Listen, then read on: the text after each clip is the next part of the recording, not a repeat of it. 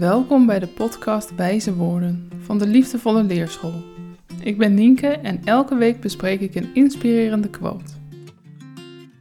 Ik heb het warme bad al voor je gevuld, dus stap er maar in, dan gaan we beginnen.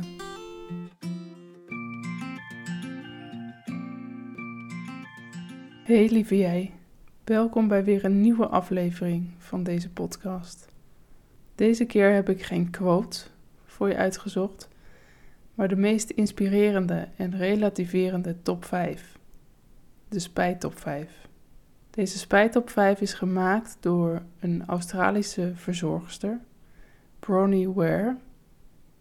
En zij heeft mensen op hun sterfbed geïnterviewd over de dingen waar zij spijt van hebben. En vanuit die interviews is deze spijtop 5 ontstaan. En deze wilde ik heel graag met je delen, omdat ik hem een paar jaar geleden zelf ehm, ontdekte. En ehm, ik vind het een fijne houvast om uh, ja, af en toe toch eens even naar te kijken. Dus ik ga deze top 5 stap voor stap met je delen. En daarna is er natuurlijk weer het warme bad voor jou. Op nummer 5 in deze spijt op 5 staat: Ik zou willen dat ik mezelf meer had toegestaan om gelukkig te worden. En wat uh, de mensen op hun sterfbed zeiden die geïnterviewd zijn, vertelden dat ze er pas laat achter kwamen dat gelukkig zijn een keuze is. En dat ze vasthielden aan oude patronen. Dat ze het verlangen hadden eigenlijk om meer te lachen en gek te doen, maar het moeilijk vonden om uit hun comfortzone te gaan.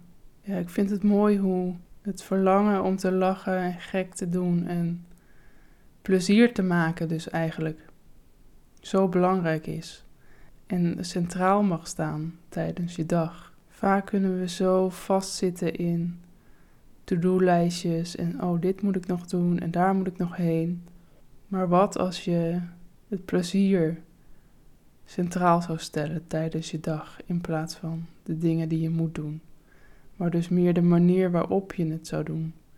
Dat de dingen die je aan het doen bent vol plezier kunt doen. Ik denk dat het voor mij in ieder geval, uh, ja, dat het zorgt dat ik veel meer geniet en dat ik s'avonds naar bed kan gaan en denk, oh, dit was echt een leuke dag, in plaats van, oh, dit en dit en dit heb ik allemaal afgevinkt. Dus ik vind dit een hele, dus ik vind dit een hele belangrijke. En op nummer 4 staat ik zou willen dat ik contact had gehouden met mijn vrienden. De geïnterviewde vertelde dat ze aan het eind van, het van hun leven ervan baalden dat ze, dat ze vriendschappen hebben laten verwateren. En dat ze toen pas merkten hoe belangrijk liefde en relaties zijn. En ik vind deze zelf persoonlijk best wel een beetje confronterend, als in ik heb best wel veel fijne vrienden. Ehm, en toch zie ik ze allemaal niet zo heel vaak. Nou is natuurlijk de vraag hoe belangrijk het is, hoe vaak je iemand ziet. Ehm, ze zijn belangrijk voor mij. Maar er zijn nog meer dingen belangrijk in mijn leven waarvan ik denk, ehm, dat wil ik ook graag doen. Maar dat blijft wel een balans zoeken. Ehm, maar wat me wel steeds beter lukt, is als ik dan mensen zie, is om echt in volle aanwezigheid bij die mensen te zijn van wie ik hou. En ehm, dan niet met mijn hoofd ergens anders te zijn, maar gewoon echt bij hen, bij het gesprek. Ehm, en genieten van al het moois wat diegene brengt. En ik denk dat dat ook heel erg belangrijk is. En op nummer drie van deze spijt op vijf staat: Ik zou willen dat ik de moed had om mijn gevoelens te uiten. En de mensen die zijn geïnterviewd vertelden over gevoelens die ze hebben onderdrukt en dat ze vermoeden of misschien erachter kwamen dat, dat ze zelfs ziektes hebben ontwikkeld door, door het binnenhouden van, van wrok. Dus daarin zie ik wel hoe belangrijk het is om je uit te spreken en, en echt met respect om te gaan ten opzichte van je eigen gevoelens. Dus ik vroeg me af, zijn er bij jou dingen die je niet uitdrukt, die je, zijn er gevoelens die je onderdrukt? En op welke manier zou je die gevoelens wel willen uiten? Het is ook meteen een vraag aan mezelf, waar ik niet direct een antwoord op heb. Het is gewoon een vraag om eens even over door te denken, eens even op te mijmeren, denk ik. Of er nog ergens iets zit wat je, waar je iets mee wil.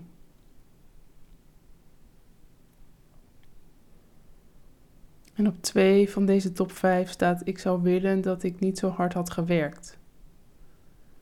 En uh, degene die interviewde, Bronnie Ware, die zei dat ze dit antwoord van iedere mannelijke patiënt heeft gekregen, maar dat ook veel vrouwen dit noemden. En dat iedereen zou willen dat ze een simpeler leven hadden geleefd en dat ze minder hadden gewerkt. Ik vind het lastig deze, omdat voor mij werk zo uh, samenhangt met mijn missie en wat ik in de wereld wil brengen, wat ik anderen wil geven, dat het voor mij ook belangrijk is om dat wel te doen.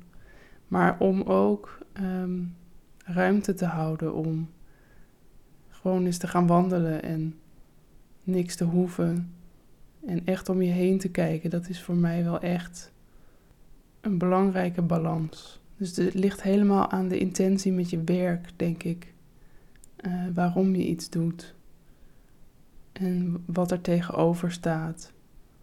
Um, maar ik vind het ook belangrijk om tijd te hebben dat je niet werkt. En in mijn geval gaat mijn hoofd eigenlijk altijd wel verder.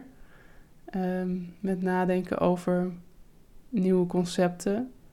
Maar um, ik vind het ook belangrijk om een uitlaatklep te hebben en een hobby te hebben waarbij iets niet goed hoeft te zijn. En dan op één staat: Ik zou willen dat ik meer had geleefd zoals ik zelf wilde, in plaats van volgens de verwachtingen van anderen. Deze staat niet voor niets op één. Waarschijnlijk hebben de meeste mensen dit als antwoord gegeven. Vind ik eigenlijk best wel heftig om te horen. De mensen vertelden dat ze ja, hoe weinig van hun dromen ze hebben verwezenlijkt. Dat ze hebben geleefd volgens wat van hen werd verwacht in plaats van wat ze zelf wilden. En dat, ja, dat lijkt me echt ontzettend zonde. Ik kan niet met 100% zekerheid zeggen dat ik niet meer volgens de verwachtingen van anderen leef. Maar ik heb me daar wel redelijk van losgemaakt. Ik heb er zelfs een film over gemaakt. En dat heeft me wel erg geholpen om, om te zien wat wat dan die patronen zijn waar we in zitten. En dat eigenlijk heel veel verwachtingen vaak in ons hoofd zitten. Terwijl als we ze uitspreken, dan lopen we toch vaak rond, allemaal met, hetzelfde, met dezelfde gedachten. En uh, weten we eigenlijk niet meer wie nou precies is begonnen met het, met het scheppen van die specifieke verwachting. En ook al die verwachtingen die zijn, die zijn vaak ook zo onbewust. En dat maakt het zo lastig om die verwachtingen te doorbreken en echt je eigen pad te volgen. Want er zijn zoveel onbewuste dogma's die we meekrijgen in deze maatschappij van hoe iets wel of niet hoort. En die moet je dus eerst in je, in je bewustzijn zien te krijgen of in je vizier. En dan kun je ermee aan de slag gaan. Dus dit zijn uh, even vijf.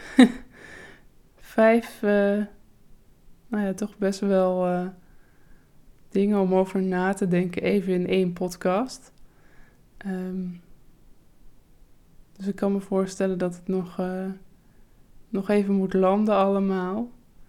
Maar ik hoop dat je, dat je hier iets aan hebt, net als ik. Om hier af en toe eens naar te kijken en, en niet volgens bepaalde angsten die je nu voelt te leven, maar gewoon eens te denken ook van, oh, maar zou ik het niet super tof vinden als ik aan het eind van mijn leven, als ik ook op dat sterfbed lig, gewoon kan zeggen: Ik heb dat gedaan en het was spannend en het was eng. Of ik heb me moeten uitspreken om te zorgen dat ik meer bij mijn geliefde kan zijn. Nou, dat zou toch super fijn zijn als we deze spijt op vijf zelf niet zo hoeven te ervaren. En dan gaan we nu, zoals elke week, naar het warme bad.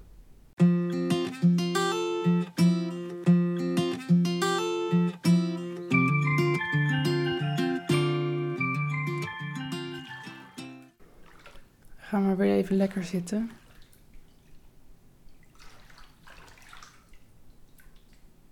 Misschien wil je even je schouders op en neer bewegen. Of met een draaiende beweging. Bij mij zitten ze nu heel even een beetje vast. Misschien bij jou ook. En haal even diep adem.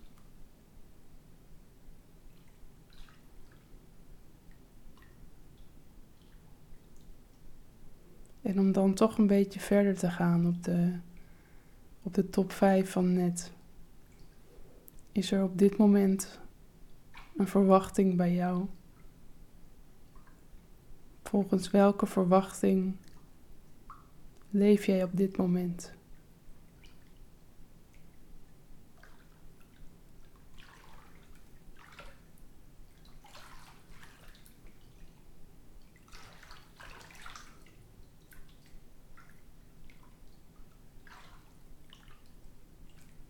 Het kan niet zijn op je werk of thuis.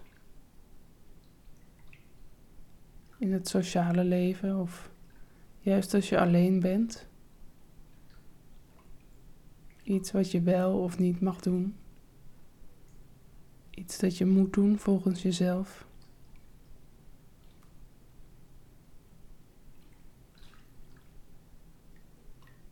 En wat als je die verwachting nou even kunt loslaten? Gewoon voor deze paar minuutjes.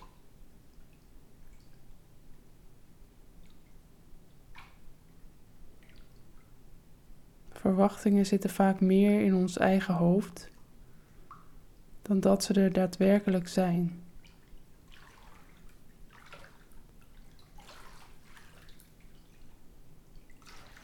En als ze wel in het hoofd zitten van iemand anders, dan is dat niet de waarheid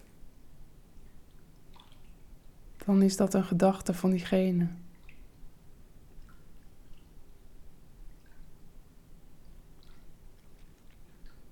En laat dan die gedachte ook maar in het hoofd van diegene zijn.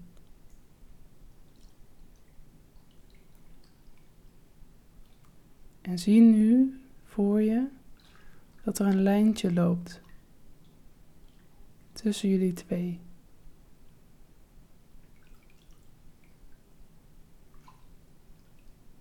En knip dan nu liefdevol dat lijntje door.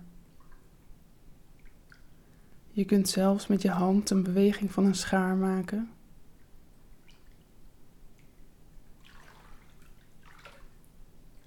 Probeer het maar.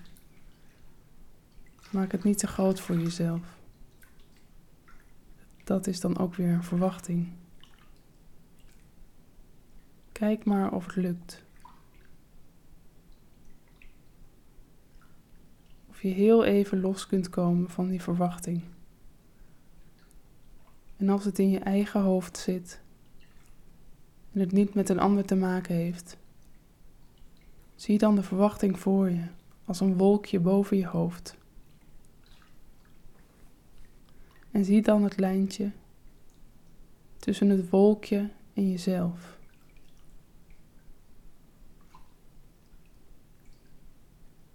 En knip dan liefdevol dat lijntje door.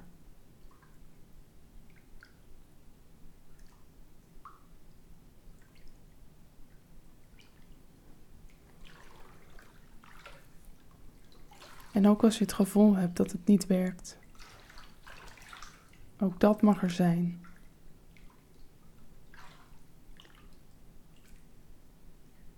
En ook als je nu nergens op hebt kunnen komen. en het niet in jouw bewustzijn is op dit moment, dan kun je deze techniek in ieder geval gebruiken als je dat wel tegenkomt.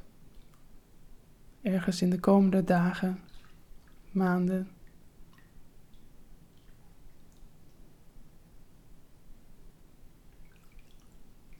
Laat maar los wat je niet meer dient. Wat je niet meer bij je wilt houden. En knip dan liefdevol het lijntje door. Blijf nog maar even lekker zitten. Neem je tijd. En dan zie ik je heel graag volgende week weer bij een nieuwe aflevering van deze podcast. Tot dan. Fijn dat je hebt geluisterd naar deze podcast. Volgende week heb ik een nieuwe quote voor je. Heb je genoten van dit warme bad en heb je zin om eens lekker weg te dromen? Ga dan naar deliefdevolleleerschool.nl slash gratis en meld je aan voor mijn vierdaagse challenge. Kijken als een kind. Wil je meer wijze woorden ontvangen? Abonneer je dan op deze podcast. Ik zou het ook heel erg leuk vinden als je een review wil achterlaten, zodat anderen deze podcast makkelijker kunnen vinden. En wil je nog iets kwijt over wat je hebt gehoord of gedachten die bij je opkwamen? Laat het dan weten via de Instagram van de Liefdevolle Leerschool, onder de post met de quote van deze aflevering. Ik vind het altijd fijn om van je te horen. Ik wens je een fijne dag en tot volgende week.